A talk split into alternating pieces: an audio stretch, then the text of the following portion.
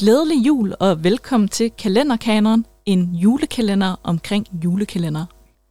Lad os åbne love nummer 3, hvor vi hopper tilbage til 1979. Der ser vi på skærmen Jul i Gammelby, og det er faktisk et kæmpe, kæmpe skift, der sker med den her julekalender. Det er første gang, vi ser en julekalender, der faktisk minder om de serier, vi normalt ser i tv. Altså episoder, der har en fælles handling, hvor vi følger øh, karaktererne i længere tid i en større fortælling. Og så er det faktisk også den første julekalender, der ikke har nogen dukker involveret. Det er simpelthen skuespillere, faktisk kendte skuespillere på den her øh, på det her tidspunkt. Og så er det faktisk en julekalender, hvor vi første gang ser den her idé om at hive historiske elementer øh, ind i en julekalender. Selve historien i Jul i Gammelby er en fortælling, der foregår i midten af 1800-tallet, hvor borgmesteren i Gammelby simpelthen ikke kan finde julehumøret frem til at holde julefest, fordi han ikke har hørt for, fra skibet håbet, man frygter er forsvundet til søs. Samtidig så handler det om børnene masser med det, der arbejder sammen med nisserne på loftet for at få julestemning til byen, så de kan altså få lov til at holde julefest. Og samtidig så bliver det sådan en historisk fortælling, hvor vi hører om, hvordan for eksempel juletræet bliver introduceret til Danmark, hvor vi har den her karakter i form af krammeren, der forsøger at bringe den her egentlig tyske tradition til Gammelby. Og vi ser for første gang, hvordan de her juletraditioner egentlig har formet sig i Danmark.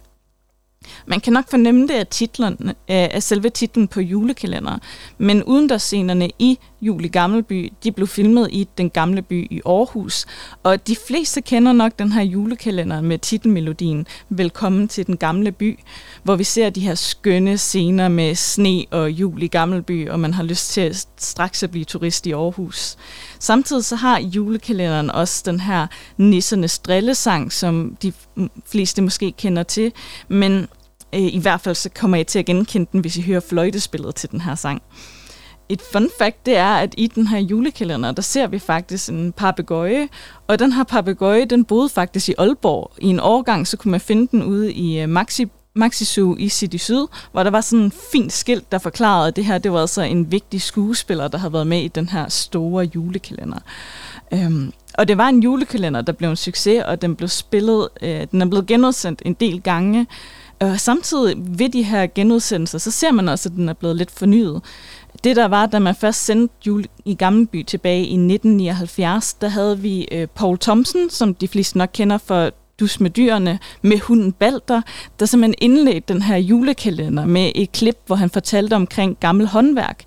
Det man så, øh, da den blev genudsendt i 2008, det var, at på Ramachan, der havde vi Shane Brooks for øh, der simpelthen indlæg den her serie, nu med klip, hvor han laver forskellige kreative julepynt.